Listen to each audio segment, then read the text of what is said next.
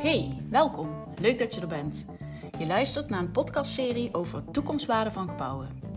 Nu denk je misschien, uh, wat? Nou, dat gaan wij je allemaal uitleggen.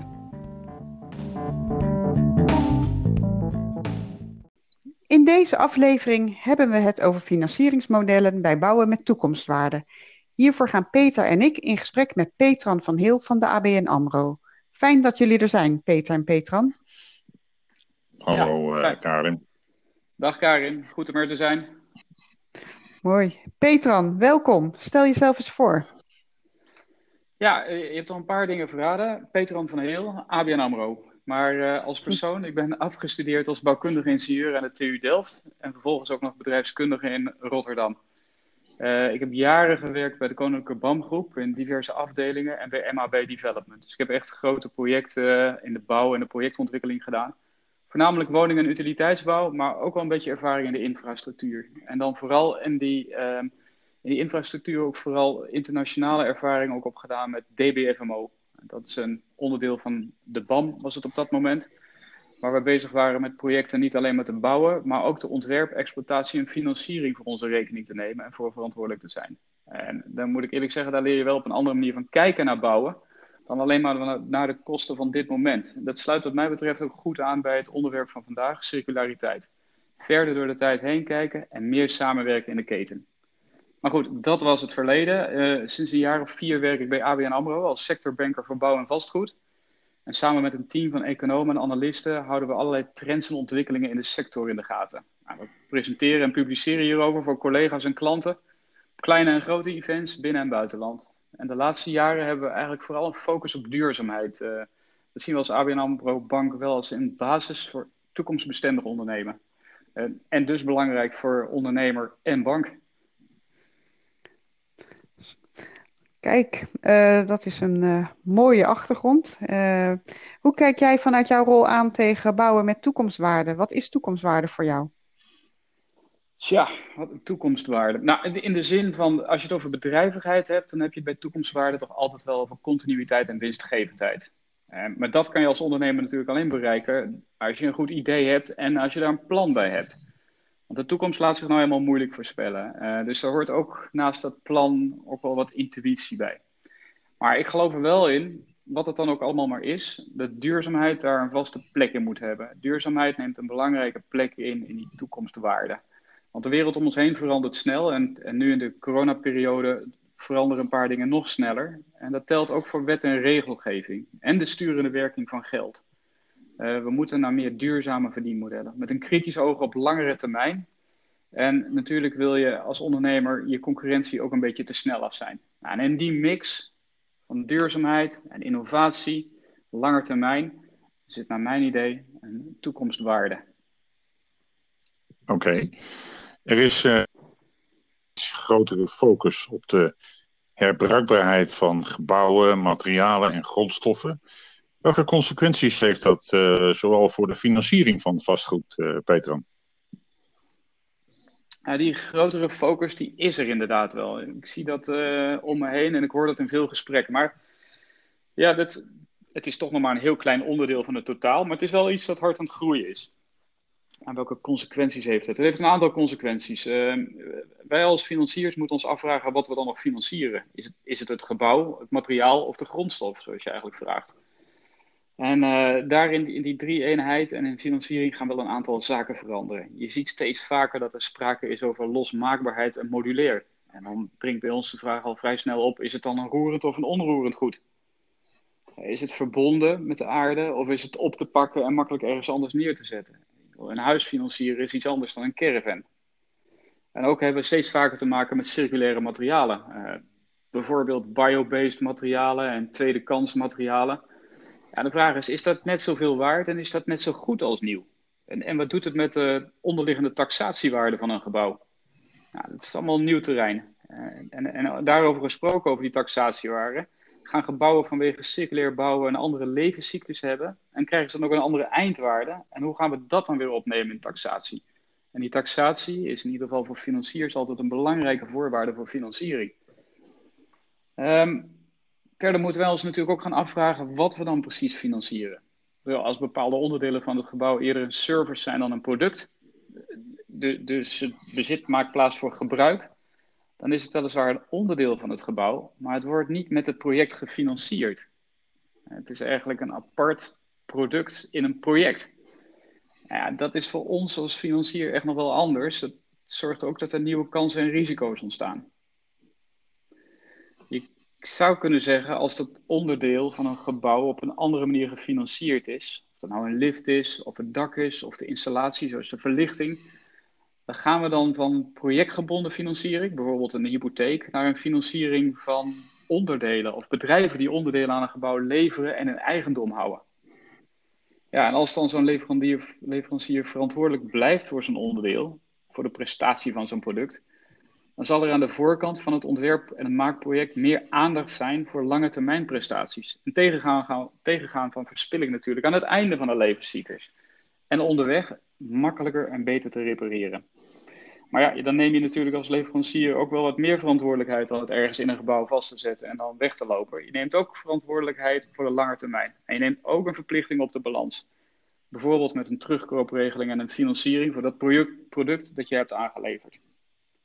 Nou, als je dat door je oogharen gaat bekijken, dan zul je zien dat een gebouw, een project, eigenlijk uit een bundeling van langjarige contracten gaat bestaan voor grondstoffen of voor producten.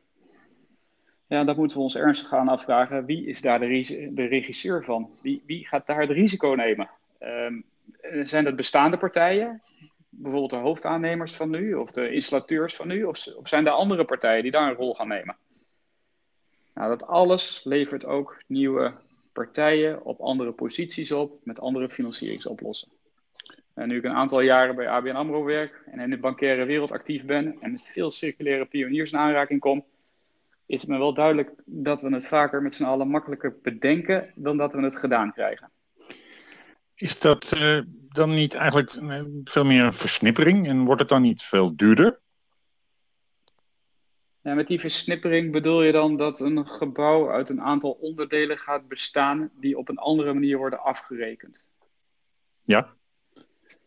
Ja, dus of dat veel duurder is. Nou ja, dat vind ik wel heel erg hinken op je lineaire gedachten. Want, denk even mee in dat circulaire perspectief. Het is, wordt het gebouw dan niet veel duurder? Dat is echt het moment van nu, de bouwkosten. Maar stel je nou eens voor dat je niet alleen de bouwkosten bedoelt, maar ook nadenkt over de kosten gedurende de levenscyclus en de eventuele waarde aan het eind van het gebruik van het product. Of stel je voor dat die producten veel beter worden, omdat leveranciers verantwoordelijkheid krijgen over de hele levenscyclus en ze uiteindelijk ook terug gaan nemen. Dan moet je er wat mee kunnen. En, en, en, stel je ook voor dat, dat die circulaire ambitie van de overheid, 50% circulair in 2030 al, hè, dat is voor gebouwde omgeving echt dichtbij. Maar stel dat dat echt waargemaakt gaat worden. Ja, dan ziet eigenlijk zo'n simpele goedkoop duursom er plots heel anders uit. Dan zouden die effecten, die eventuele versnipperingseffecten, opgeheven moeten worden door allerlei andere circulaire effecten. Nou, verder zien we ook dat er gewoon nieuwe partijen in de markt komen die die versnippering, zoals je het noemt, beter kunnen managen. Partijen met nieuwe technologie, denk bijvoorbeeld aan IT of big data, artificial intelligence, machine learning, die komen in de markt en die gaan meedenken over voorspelling. En niet alleen hoe iets werkt of hoe lang iets werkt, maar ook wat het misschien aan het eind waard zal zijn. En die gaan deze rol misschien op zich nemen en al die producten uit verschillende gebouwen wil bundelen en managen. En op die manier krijg je dan toch een beetje, nou ja, een beetje lineaire economies of scale en efficiency. Beetje ouderwetse lineaire modellen, maar noodzakelijk ook om circulaire economie te laten slagen. Ook omdat we niet in één keer naar circulair overgaan, maar dat we een veel langere transitie hebben, waar je circulair moet concurreren met eigenlijk dat hele lineaire systeem. Fiscaliteiten, juridische, maar ook het lineair beredeneren. Wordt dat niet veel duurder? Het is echt dus een hele omslag wat, wat heel veelomvattend is en heel veel ja, uh, sectoren raakt en, en, partijen en veranderingen vraagt. Hmm. Uh, wat betekent dat bijvoorbeeld voor afnemers van gebouwen? Uh, heeft, uh, hebben jullie producten als antwoord op de veranderingen daar? Ja, wat, wat me tussendoor even opviel is dat je zegt dat, dat het langjarig gewoon, hè, dat, het, dat ja, het lang ja. duurt. Nog wel even, die transitie ook nog wel even kan duren. Maar ik, De eerste kantoorgebouwen die ik als uh, junior vastgoedontwikkelaar neerzette, toen werd net de EPC, de energieprestatie, uh, geïntroduceerd. En dat is toch al ergens in het midden van de jaren 90 geweest. Nou, nu gaan we mogelijk volgend jaar naar Beng. Maar moet je kijken hoe lang we bezig zijn geweest om die energietransitie meetbaar te maken, in het systeem op te nemen, in de wetgeving op te nemen en er echt op te gaan sturen. Ja. Nou, realiseer je dan dat we in die circulaire economie eigenlijk nog pas aan het begin staan. Kort achteraan de energietransitie, maar toch nog aan het begin van de ontwikkeling. Nou, wat betekent die, die nieuwe manier van werken voor de afnemers van gebouwen? En hebben wij financiële producten al als antwoord op die verandering? Nou, daarvan moet ik eerlijk zeggen dat wij, net als veel andere sectoren, zijn wij als banken ook druk aan het experimenteren in die circulaire economie. Het bestaat nog niet zo lang en iedereen vindt het eigenlijk best complex en lastig. De energietransitie is een vrij recht voor zijn raap sommetje. Je investeert nu in iets, daardoor heb je lagere exploitatielosten en, er komt een terugverdienmoment dat ook nog eens gunstiger is voor het milieu. Nou, zo eenduidig is de som in circulariteit niet. Maar we hebben als ABN AMRO wel een duidelijke ambitie neergezet en we zijn veel aan het experimenteren de afgelopen jaren. En dat experimenteren, dat doen we soms alleen, bijvoorbeeld met onze eigen bedrijfsvoering en en de huisvesting van Circle is daarvan een goed voorbeeld. Maar veel vaker werken we in die circulaire experimenteren, experimenteren werken we gewoon samen. Met, met wetenschappers, brancheverenigingen, andere expertise, juristen, architecten, maar ook met relaties van ABN AMRO.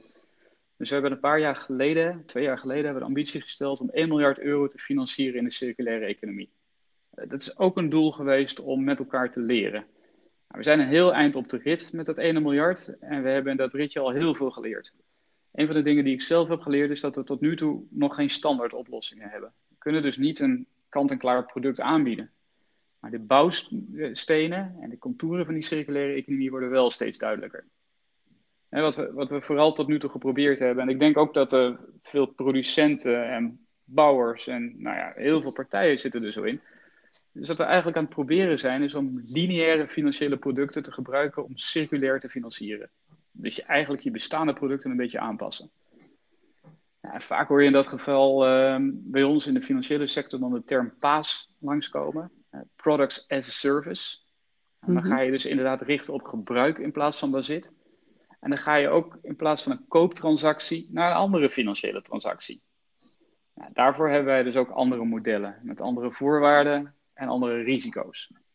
Maar daarvoor moet er ook een ander type geld beschikbaar komen eigenlijk. Dus niet, niet alleen maar een banklening, zoals velen kennen, maar bijvoorbeeld ook meer equity, meer eigen vermogen, meer echt risicodragend participeren. Of een impact funds, of uh, green bonds en nieuwe vormen van projectfinanciering. En, en niet te vergeten informal investors, uh, mensen die hun sporen en hun geld verdiend hebben in een bepaalde sector en ook snappen hoe dat werkt. En hun kennis en financiële middelen kunnen inzetten om start-ups naar scale-ups te brengen. Nou, welke, welke, financiële producten zijn er al? Ik heb er tussen de regels al een paar genoemd. Je kan bijvoorbeeld denken aan projectfinanciering, om dat te brengen van een projectfinanciering naar een productfinanciering. Dan ga je dus niet het hele project bekijken om te financieren, maar een onderdeel van dat project. Dat ga je ook anders behandelen en dus ook financieel. Zoiets kan bijvoorbeeld met een gebouwdeel. Of, uh, of je kan ook denken aan abonnementsmodellen zo'n periodieke vergoeding voor een service. En die zijn in sommige sectoren al heel normaal, want ja, wie heeft er tegenwoordig bijvoorbeeld geen Netflix of Spotify? In de IT is het heel normaal dat je een abonnement neemt op een dienst. Zou dat ook in gebouwen toegepast kunnen worden? Nou, je kan al denken aan licht of beveiliging of klimaat. Nou, dan hebben we ook nog een bestaande leasevormen. Die wordt ook vaak genoemd als een financieel product dat gaat helpen in de circulaire economie die gaan eigenlijk al uit van een leasevergoeding, dus een periodieke vergoeding en een eindwaarde, maar dan veelal bij herkenbare producten. Dus bijvoorbeeld auto's. Een herkenbaar product met een grote benchmark. En die kan je oppakken, je kan hem weer doorverkopen. Daar zijn we allemaal bekend mee. En het is ook een relatief korte lease termijn, 4, 5 jaar. Maar ja, kunnen we dat oprekken naar iets dat voor gebouwschaal interessant is? En dan heb je het toch al snel over 15, 20 jaar of meer. Uh, kunnen we het zo lang oprekken, zo'n leasevergoeding? Dan zitten we de moeilijkheid daar vooral in, in, in eigendom. Hè, van wie is wat? En gaat dat wel goed gedurende die hele lange periode van exploitatie? En dan ook heel belangrijk is, wat is de inschatting van de eindwaarde? het allerbelangrijkste daarin is, en wie neemt dat risico? Ja. En ook als je het even doorvertaalt naar uh, de particulier, uh, de, de woningbezitter of die dat wil kopen, dat betekent nogal wat. Want eigenlijk tot nu toe is vastgoed altijd de manier geweest om kapitaal te bouwen, je pensioenvoorziening uh, veilig te stellen en dat soort dingen. En nou mm. moeten, ze ineens, moeten mensen ineens de service gaan afnemen en bouwen ze in die zin dus geen kapitaal meer op. Van hoe, hoe gaat dat dan werken? Nou, ik ik, ik zie ook dat er nieuwe mogelijkheden ontstaan. er zijn natuurlijk heel veel uitdagingen op ons pad, maar er ontstaan nieuwe mogelijkheden en er ontstaan nieuwe variabelen.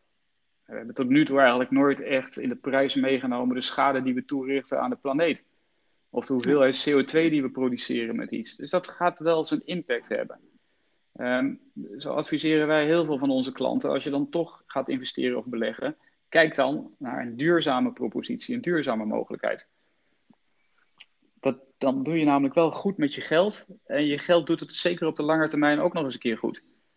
Dus ik kan me voorstellen dat je op termijn met veel efficiënte servicecontracten voor wonen, mobiliteit, veiligheid, et en eigenlijk in je leven, omdat je alleen maar betaalt voor gebruik en niet voor bezit, dat je dus eigenlijk in je leven op al die fronten voordeliger uit bent. En dan ga je dus daar geld aan overhouden. Dan bouw je op een andere manier kapitaal op. We hebben nu heel veel producten die kapot gaan, afgeschreven worden, weggeworpen worden, waar nul eindwaarde aan zit. Stel nou dat dat sommetjes gaat veranderen. Ja, dat is een punt wat je net ook al eh, eigenlijk aanstipte. Je noemde al de, uh, de autobranche, waar uh, leasecontracten uh, spelen. daarbij hangt natuurlijk de hoogte van het leasebedrag af van het aantal kilometers wat je per jaar maakt.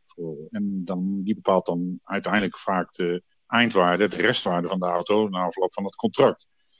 Maar hoe gaat het dan uh, werken bij gebouw? Die hebben ook een restwaarde na afloop van een gebruikstermijn. Al is het alleen maar de materialen die erin zitten en dergelijke. Maar als gebouw is er natuurlijk ook een waarde te bepalen. Hoe zou die restwaarde van dat gebouw bij financiering ingezet kunnen worden? Ja, daar heb ik, dat is een goede vraag. Daar heb ik wel een idee over, maar het is ook direct de grote hamvraag. Want wie kan nou die restwaarde het beste inschatten? Is dat de leverancier of de gebruiker? Of, of, komen er nieuwe partijen op de markt die heel graag grondstoffen willen hebben die al in gebruik zijn? En ik denk dat veel bestaande partijen er nog niet over nagedacht hebben dat er al partijen aan het kijken zijn of ze dat kunnen doen. Ik vertelde je al net, je moet even die bril opzetten van die circulaire economie. En kijken wat er in de toekomst allemaal gaat gebeuren. Wat als nieuwe grondstoffen schaars worden, tijdelijkheid een norm wordt, of wat als belasting op nieuwe grondstoffen omhoog gaat. Misschien wel onder andere door CO2-heffing. En, en, om die circulaire ambitie van de overheid te bereiken, stel nou eens dat de belasting op arbeid omlaag gaat, om te zorgen dat we goedkoper kunnen opknappen en hergebruiken, dan dat we direct maar weer opnieuw bestellen. En als je al die facetten meeneemt, ja, dan gaat eindwaarde er toch echt anders uitzien dan dat we nu kunnen voorstellen. En zoals ik al zei, er zijn al partijen die daar met disruptieve gedachten rondlopen. Die eigenlijk een voorwaartse positie willen innemen op tweedehands materialen. Omdat het gros van de markt op dit moment nog denkt, die zijn niks waard. Nou, als je dan een hoge restwaarde hebt op alle producten of ook gebouwen die we hebben, dan zou dat er eigenlijk voor moeten zorgen dat we lagere exploitatielasten hebben. De som van kosten en opbrengsten en afschrijving wordt heel anders in de circulaire wereld. En er zijn partijen dus die daar nu die positie al op innemen. Je ziet eigenlijk in de, in, de, in de sloopmarkt al in de bouwwereld wat er afgelopen jaren aan het gebeuren is. Dat ja, sloop toch vooral gezien wordt als een kostenpost. Maar als je gaat demonteren in plaats van slopen, dan, dan krijg je al een heel andere waarde van de producten die je uit zo'n uh, uit leegstand vervallen gebouw haalt. En dan krijg je eigenlijk al een restwaarde in plaats van een kostenpost. En die meerwaarde die wordt al benut en die zal met, met, met meer en grotere datasets, als we weten wat we waar hebben staan en wanneer dat op de markt gaat komen. En met andere wetgeving, of als je niet zomaar meer mag storten, maar echt kritisch moet kijken naar hergebruik en, en de milieuprestatie van gebouwen. En met die nieuwe concurrentie in de markt zal, zal die druk steeds groter worden en er steeds meer meerwaarde uit bestaand sloopafval, puin of onderdelen van gebouwen, moet ik het eigenlijk noemen, zal er steeds meer meerwaarde uit onderdelen van oude gebouwen gehaald kunnen worden, omdat ze opnieuw in het spel gebracht gaan worden. En wat zie je? Nou, dat, verlaagt, dat verlaagt eigenlijk de, soft, de, de, de kosten over de hele exploitatie. Wat, wat, je, uh, wat je, waar je naartoe redeneert is, is dat er uh, een waarde zit in het, uh, in het gebouw voor het hergebruiken van producten en grondstoffen. En als je dan kijkt op, naar echt gebouwniveau, hoe zit je in, in, in op het moment dat je een gebouw dusdanig ontwerpt dat er makkelijk een tweede levenscyclus aan te geven is, bij wijze van spreken, een andere functie. We hebben de laatste tientallen jaren redelijk uh, wat leegstaand uh, kantoorvastgoed gehad. We krijgen nu te maken met redelijk wat leegstand op retail vastgoed. Wat zou er gebeurd zijn als we die, dat vastgoed hadden ontwikkeld met een tweede, een tweede leven in een tweede gebruiksfase in, in, in, in het vooruitzicht, zeg maar, in, het, in gedachten? Had dat invloed uitgeoefend op de waarde van het vastgoed na het leegkomen van de, de huurder die eruit gegaan is? Ja, dat, dat denk ik zeker. We begonnen dit gesprek met wat is toekomstwaarde? Nou, toekomstwaarde zit er misschien wel in restwaarde. En dan niet alleen in de waarde van de gebundelde hoeveelheid grondstoffen, maar ook de waarde van de mogelijkheden van die gebundelde hoeveelheid grondstoffen. Met andere woorden, hoe makkelijk kan je een gebouw aanpassen aan een andere functie? Dus niet alleen in het gebied van losmaakbaarheid, maar ook multifunctionaliteit. Nou, de, die gebouwen die daar het best toe in staat zijn om zich en aan te passen aan nieuwe functies. En is dat eh, niet mogelijk om dan de onderdelen die erin zitten eruit te halen en weer een nieuwe functie te geven in een ander type gebouw op een andere plek? Ja, het laat zich raden dat die eh, meer waard zijn, meer toekomstwaarde hebben dan gebouwen die maar één functie kunnen huishouden en vervolgens gesloopt moeten worden. Dus ja, daar zit wel een soort sleutel voor de toekomst. Zeker als je daar in, dat, in die mix ook nog hoort dat we in de toekomst niet zomaar meer bij nieuwe grondstoffen zullen komen. Dat is eigenlijk nog eens een keer turbo onder dit verdienmodel. Als je die materialen er makkelijk uit kan halen, ja, je concurreert met nieuwe grondstoffen, nu nog, maar over tijd niet meer. Dan zijn het dus gebouwen die makkelijk uit elkaar zijn te halen, die eigenlijk meerwaarde hebben die aan het eind van het levenscyclus niet een kostenpost zijn, maar een inkomstenbron. Kortom, heel veel kansen, maar ook nog heel veel uitdagingen en heel veel stappen te zetten om uh, nou, deze nieuwe circulaire manier van uh, gebouwen, uh, bouwen en gebouwen met toekomstwaarde te realiseren. Um, welke stappen zou je echt nu op de korte termijn kunnen en willen zetten om daar een, iets een zichtbaar van betekenis in te zijn, Petran? Dat, ja, ik, eh, denk dat we, ik denk dat we als bank al behoorlijke stappen gezet hebben in die experimentele fase. Maar dat hadden we nooit kunnen doen als we dat niet samen met de markt en veel van onze relaties konden optrekken. Dus ik denk dat we allemaal een stapje extra moeten doen, kennis moeten delen, om die kennis weer door te kunnen gebruiken op volgende projecten binnen Circle, ons, ons circulaire project op de Zuidas, spreken we daarom niet over een copyright, maar over een right to copy. Alles wat je leert, zet dat door. Nou, circulaire economie is namelijk nog veel meer samenwerken en door die keten heen. Dat zullen we allemaal moeten doen. En daar moet je echt voor openstaan. En als bank gaan we dat gesprek graag aan met onze relaties om te zien waar ze zelf staan en wat wij eraan kunnen toevoegen. En alles wat we geleerd hebben, en workshops die we hebben, en financieringsmiddelen, we proberen alles in te zetten om samen met onze relaties die toekomstwaarde ook echt te gaan benutten. Daarbij helpt het niet alleen als wij als bank dat willen, maar helpt het ook als de markt het wil. En de overheid is een plan aan aan het bouwen. En het helpt ook zeker als we gave role models krijgen. Dus echt iconen krijgen in Nederland die laten zien, het kan. En ik denk dat dat belangrijk is. Iconen kennis opbouwen en kennis echt willen delen en daadwerkelijk streven naar samenwerking en partnerships. En niet alles maar één keer doen en dan weer opnieuw het wiel gaan uitvinden. Nou, dat is een hele mooie afsluiting, een mooie aanbeveling. Laten we daarvoor gaan. Uh, nou, heel hartelijk dank Petran voor jouw mooie, heldere en uitgebreide toelichting. En uh, we, we, gaan ervoor met elkaar, wat mij Daar betreft. Daar sluit ik me volledig bij aan. We zijn er al mee bezig bij aan. Dankjewel.